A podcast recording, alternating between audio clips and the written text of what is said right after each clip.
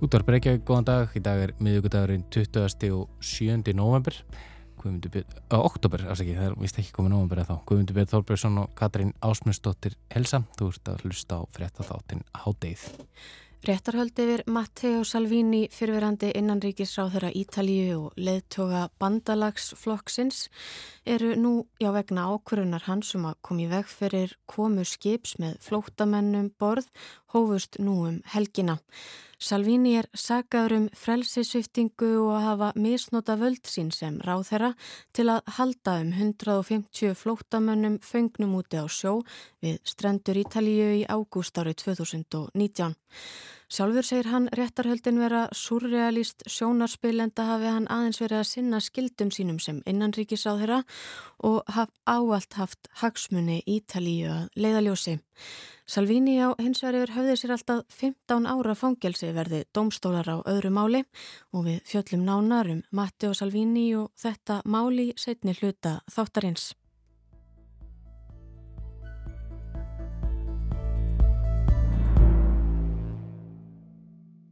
En við byrjum í heimi tækninar eða upplýsingatækninar.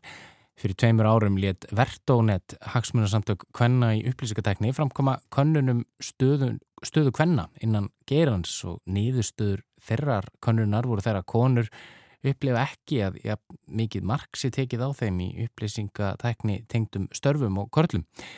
Þar kom meðlans fram að konur séu þó almennt gladir í starfi en tæplega þriðjungur telja að konur njóti ekki sömutæki fyrir á karlar og þær upplifa minna, að minna marksi tekið á þeirra skoðunum og þá voru einungist 27% starfsfólks í upplýsingatækni hér á landi konur. En núni í júni í sumar þá var gerð önnur könnun uh, sem mældi stöðu kvenna í upplýsingatækni gerinum hér á landi af ráðgæði fyrirtækinu Intellekta. Heimur upplýsingatæknar hefur jú þótt lungum hansi karlægur og því aðtilsvært að skoða hvað þessi nýja könnun segir okkur. Það er þá ekki búið að greina ópenbarlega frá niðurstöðum hennar en það verið gert að morgun. En hún Kristjana Björg Bardal, sérfræðingur hátæðisins í upplýsika tæknumálum, hún veit nú eitt og annað um þessar niðurstöður. Velkomin Kristjana. Takk fyrir það. Hva, hvað segir þessi nýja könnun okkur um stöðu hverna í upplýsika tækni? Já, allavega hlutfall Kanna í upplýsingatækni er ansi svipað á það var. Það er um 25% hjá þessum fyrirtækjum sem tóku þátt í könni og hlutfall hvern stjórnanda er svipað mm -hmm. sem er mjög áhugavert að sjá sko. Einmitt, einmitt. Og í hvað stöðum eru, eru konur helst? Það eru hvað helst, eða hlutfallslega hægst í ráðgjöf, svo innan upplýsingatækni og síðan eru þær eða sérst, minnsta hlutfall í örgismálum og tölvurekstri. En það er áhverð að sjá að það séu svona margar í ráðgjöfni og, og ekki eins margar heldur í forritun. Um, það voru ágæðlega margar líka í svona hópstjórnun og, og verkefnastjórnun. En það er áhverð að sjá að kannski eða svona mínu upplifin er oft líka að konur eru kannski sæki frekar eða sé ítt frekar í störf það sem að svona tilfinningagrein skiptir máli. Mm þess að maður svona ber ábyrðina á hlutunum og þarf að tala við fólkið þú er ekki endilega bara að vinna með tölur og, og forrita. Mm -hmm. en það er áherslu að sjá að það eru virkilega flestar í, í ráðgjöfni Einmitt, einmitt, já, þó svo að já, konur hafi nú sætt, sætt í ögnum mæli síðust ára inn í, inn í e, tölvunafræði og forritin ekki satt í háskólanum. Jú, sko, náttúrulega hlutvald könna í háskólanum er mjög hátt en þegar kemur raungreinunum þá eru þær bara í sama prósentu og, og könnunin sínir þar eru í kringum svona 25% ekki meir en það Einmitt. Segir þessi könnun okkur eitthvað um svona almenna upplifun hvenna því svona, já, hvað skiptir málið þegar kemur val á vinnustæðu eða starfi? Já, það var spurt um sagt, hvaða er sem að skiptir konuna mestu máli í starfi og af hverju það eru þá að sækja í upplýsingatækni geiran og áhverð að sjá að flestar uh, völdu geiran út af spennandi verkefnum og ég tengi við það, þess vegna er ég þessum gera. Mm -hmm. um, Jafnbæði starfs og engalífs var líka mjög gott, 97,6% sögðu það var um, já, það væri til starf og skemmtilegt samstarfsfólk og svo var það, já, 93% sem að sögðu að veri góð laun, þannig að það er svona mismöða hluti sem skipta máli en þessi hlutir sem að er, þeim fannst skipta máli voru til staðar nema hvaða voru ansið marga sem að sögðu að jafnlunavottun skipta þær máli en það var ekki endilega alltaf til staðar í fyrirtækunum. Nefnitt, nefnitt. En, en, en svona hvað þetta eru það sem skiptaður minna, minnamáli? Það sem skiptaður hvað minnamáli er sem koma óvart að hvort það séu konur í deildina þeirra eða ekki. Það voru 33% sem að fannst mikilvægt að það séu kvenkinn stjórnundur innan Mm. fyrirtækisins Mm. eða innan þeirra teims sem svona kemur á óvart sko. Já, já, að þann skipti er í rauninni kannski ekki það miklu máli hvort að það sé kallkinn stjórnendur eða ekki. Það kannski fyrir eftir, ekki, skiptir ekki eins máli það er að velja sér vinnustáð en kannski skiptir það almennt máli, þú veist það er svona Um, hægt að draga þar hálfleiktanir kannski. en við tölum hérna á hann að þetta væri nú svona og hafi verið svona frekar kallægur geiri. Eh, segir þessi konun okkur eitthvað um upplifun svona hvenna því hvort að þær hafi jöfn tækifæri og kallkins samstæðsmenn þeirra? Já, 75% þeirra sem að tóku þátt upplifa að þar fengu jöfn tækifæri og Karlkirs samstagsmenn sínir en uh, og, svo, og þar af voru næstast og síðan voru 22% sem sögðu að þar upplifu þar fengu ekki jöfn tækifæri. Mm Þetta er nokkað hátala, 75%. Já. Algjörlega. Mhm. Mm En upplifa konur þá vinnustæðin sinn jafnvel sem sko karlægan? Já, það voru hvað 48% sem að voru sammála eða, eða mjög sammála þeirri staðhengu að þetta væri karlægur vinnustæður sem er bara mjög áhugaverð að tala, það er ekki allir. Nei, alls ekki, alls ekki, þetta er tæplega helmingur. Já. Einmitt, einmitt. Eh, en þá að, að stjórnunum stöðunum, komst, kostaði, við komumst að, koma aðeins inn á hann með svona, það er, teldur kannski ekkit skipta öllu máli hvort það veru kallar sem væri í stjórnunum stöðum ekki, en, en vilja þær verið í stjórnunum stöðum? Já, sko, það var spurt bæði sérst, konur sem voru í stjórnarnstöðu voru ekki í stjórnarnstöðu og þeir sem voru ekki í stjórnarnstöðu þá var 41% sem höfðu áhugaði vera, í, vera stjórnandir í framtíðinni þannig að það var minn en helmingur sem hafði áhuga en síðan var spurt líka þær sem eru í stjórnarnstöðu og þá voru 94% sem voru áhuga samar eða mjög áhuga samar um að vera í stjórnarnstöðu sem kannski sýnir að fólk er ánægt þar sem það er sko og Einmitt. þeir sem vilja vera stjórnandir eru kannski orðin stjórnandir nú þegar sko Mm -hmm. Sem er áhugavert sko og það var líka sko með aldurstreyinguna að þú veist, þetta var bara mjög svona þú veist, hópurinn sem var í, mi í miðjunni aldurinn, það var mest af þeim og mjög lítið af konum sem tóku þátt í konunni sem voru 20-25 ára sem er mjög áhugavert sko Mm -hmm. En maður horfir svona á framhaldið, sko, hver er upplifin þessara kvenna sem að starfa hjá þessum fyrirtækjum? Líðum eins og sé verið að vinna því að bæta stöðu þeirra í upplýsingatækni til dæminnan fyrirtækisins? sko, það var ekki nema 40% sem er sammálaði að það sé verið að vinna því að bæta stöðu kvenna innan fyrirtækisins og það voru 37% sirka sem vissu það ekki Þannig að það er svona spurning hvort að fyrirtækinn sem eru að vinna því að jafna stöðuna innan Mhm. fyrirtækinn séu að segja frá aðgerunum. Einmitt. Kannski alveg í lókin, Kristjana, það, ég hef nú ljóst, já, þó að þessi einhverju jákvæð tekn að lofti úr þessum, þessari könnun, þá, þá, ég hallar en þá konur í sem gera og, og hvað er hægt að gera til að bæta það? Það er náttúrulega bara mikilvægt að, hérna, hafa í huga þegar atvinnauðlýsingar og fleira er að skrifa að þetta sé að höfða til allra hópa og hæfniskröfur og svo framvegist er kannski, það er kannski endur hugsa það hvað þarf virkilega að kunna. Einmitt, einmitt og, og já, það þurfi kannski svona að draga úr, úr þessari mýtu að þetta sé umhverfi fyrir kallmenni eða kallægt vinnu umhverfi. Já, algjörlega og bara þetta sína fyrirmyndir er greiðilega mikilvægt. Kæra þakki fyrir komin í Hátæði Kristina. Uh, við heyrim stér aftur að viku liðinni en Hátæð snýr aftur strax að loknum Hátæðsötum og þá ætlum við að bregða okkur til Ítalju og ræða um Matteo Salvini og hans klandur.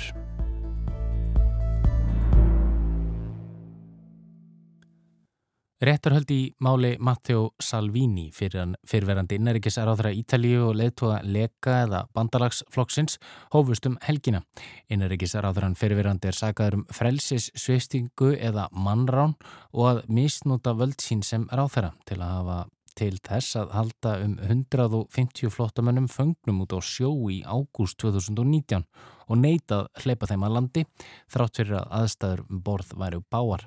Salvini sem áður höfði sér alltaf 15 ára fangilsi verði hann fundin segur segir réttarhöldin súrealísk og hápolítisk. Það er ekki að liggja fangelsis refsing við því að sinna einfallega skildum sínum í starfi. Katrín tekur nú við.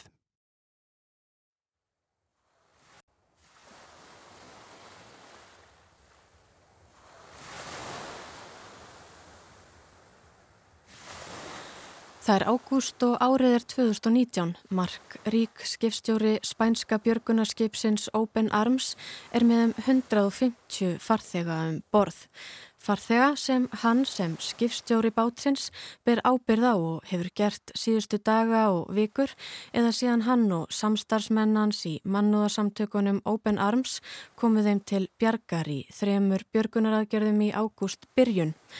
Nú er það hans að koma þeim öruglega í land, verkefni sem hann og skip Open Arms eru mun betur í stakk búin til að takast á við en farþegar þeirra sem þau komu að á löskuðum og illa búnum flegjum á miðju miðjarðahafinu. En það er þó ekki hlaupið að því og nú er ástandið um borðorðið eldfim.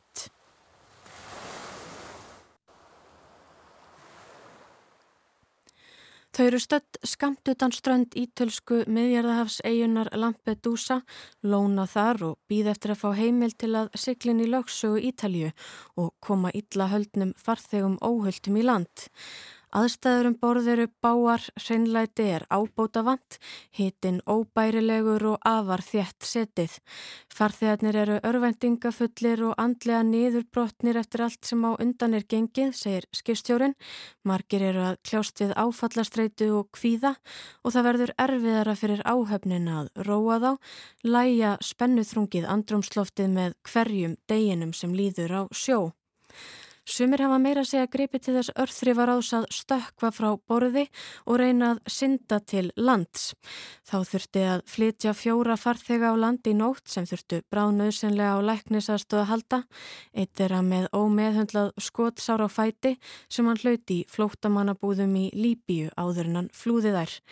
Þá var nýju hlift í landi gæra af hilsufarsástæðum og nú eru rúmlega 130 eftir á bátnum og mikið í húfi. Og meðan skipstjórin fæst við þessar aðstæðurum borðiru pólitíkusar í landi að spá og spekulera hvernig ég eiginlega bregðast við. Afstafa innanríkisráð þeirra landsins Matteo Salvini er skýr.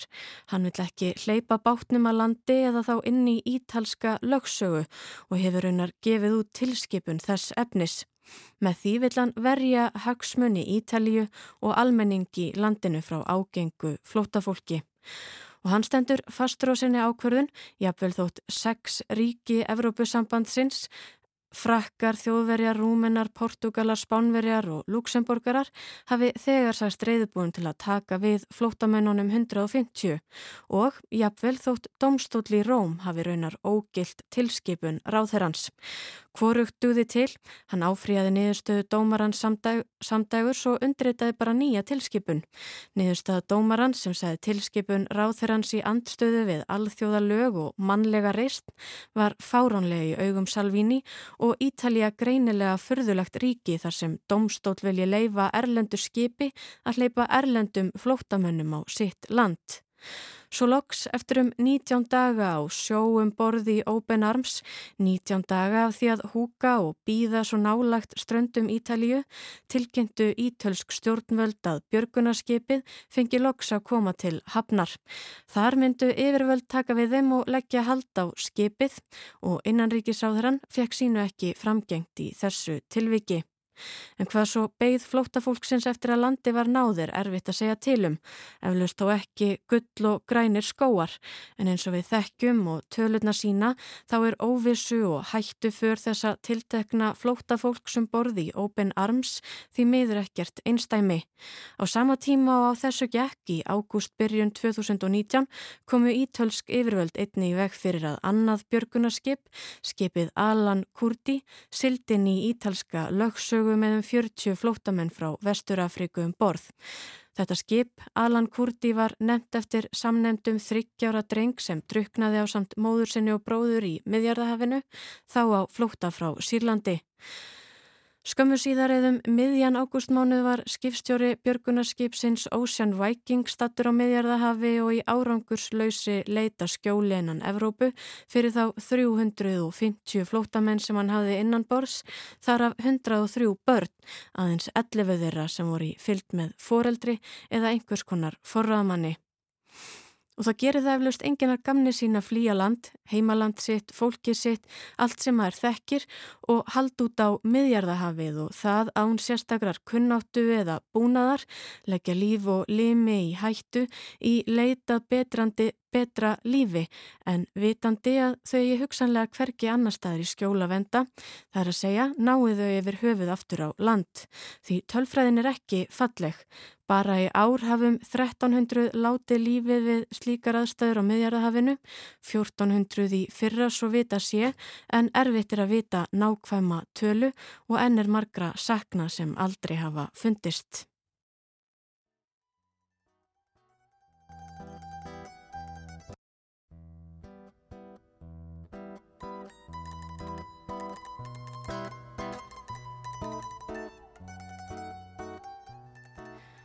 En aftur að Matteo Salvini, réttarhöld vegna aðgerða hans í tengslum við Open Arms björgunaraðgerðina í ágúst 2019, hófust sem sagt á laugadaginn í Palermo og Sikilei. Hann er sagaður um frelsisviftingu og vald misnótkun í starfi og á yfir höfði sér alltaf 15 ára fangelsi verðan fundin segur, en saksóknarar segja að bann hans við að hleypa flótafólkinu inn í lögsögu landsins og í höfn hafi verið ólöglegt.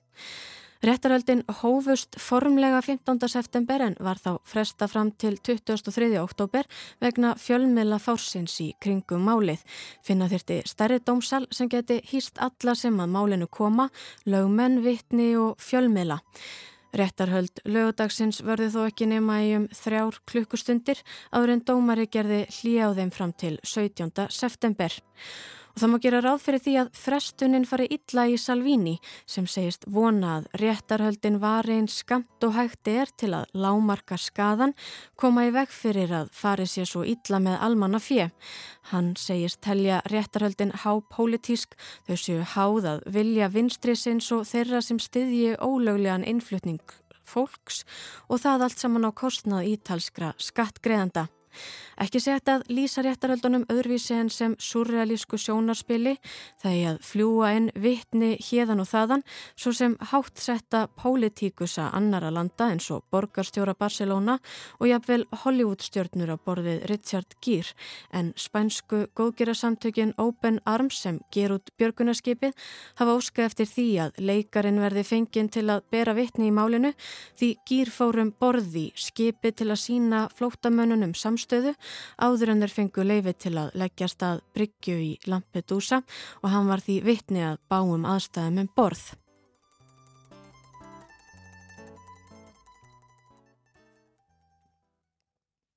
Og Salvini segir þetta allt saman til marksum fáránleika réttarhaldana. Það sé ekki eitt að taka þeim alvarlega þegar Hollywood stjórnum sé flóið yfir hálfan hnöttin til að bera vittni um hans ílsku eins og hann orðaði það. Sì, mi spiace solo per due cose, per il tempo che tolgo ai miei figli e per i soldi che gli italiani spendono per questo processo politico organizzato dalla sinistra. Innanríkisráðurann fyrfirandi segist jafnframt býða slakur eftir niðurstöðu réttarhaldana þó mikið sé vissulega í húfi en það sé hann viss í sinni sög, hann hafi ekki gert neitt ránt, einfaldlega synd skildum sínum sem innanríkisráðherra, vendað land og þjóð, vendað landamærin og heiður Ítalíu og ávalt haft þjóðar öryggi að leiðaljósi.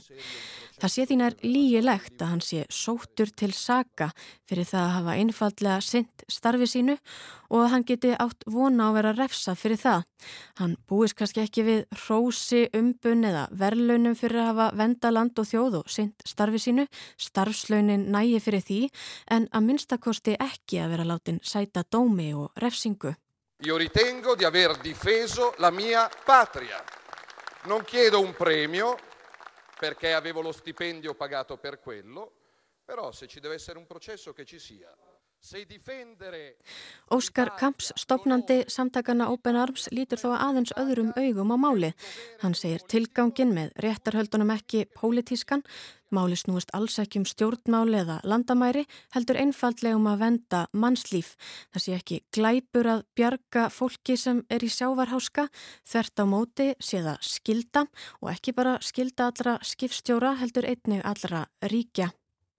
Intentar eh, en todo momento proteger la vida en el mar y, y, desnudar de política un acto tan sencillo como es la protección de la vida en el mar. En þessi skilda sem stopnandi samtakana vísar í, skildan til að koma fólki í vanda til bjargar, er þetta varpenni á einn mann, einn ráðherra sem í þokkabót er kjörin af almenning í landinu samkvæmt þeirra vilja og á að taka ákvarðanir í samræmi við vilja þjóðarinnar, þó auðvitað innan, markana, innan marka lagana að sjálfsögðu.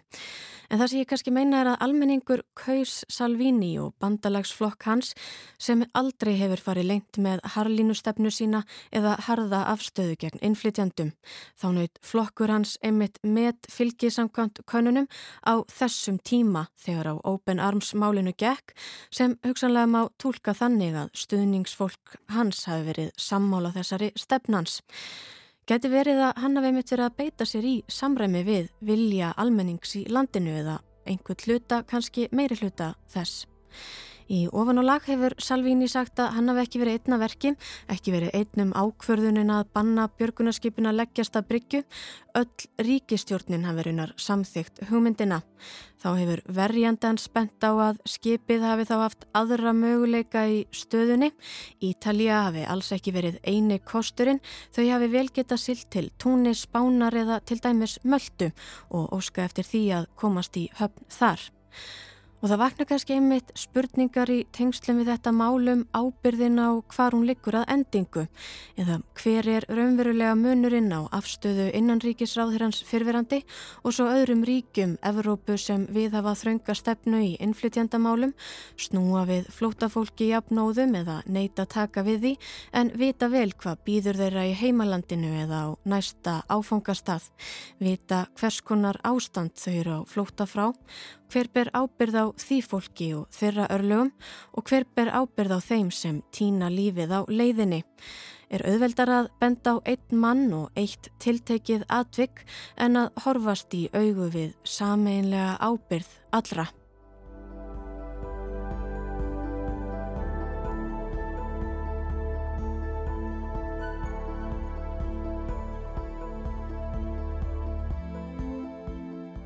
Já, Matteo Salvini tómu, tómu klandri. En háttegið eru enda í dag. Við verum hér aftur á sama tíma á morgun. Þátturinn er einnið aðgengilegur í spilaranum og hlaðvarp sveitum og þá er einnið þetta að senda okkur post með ábendingum á netfangið. Háttegið hjá roof.is verið sæl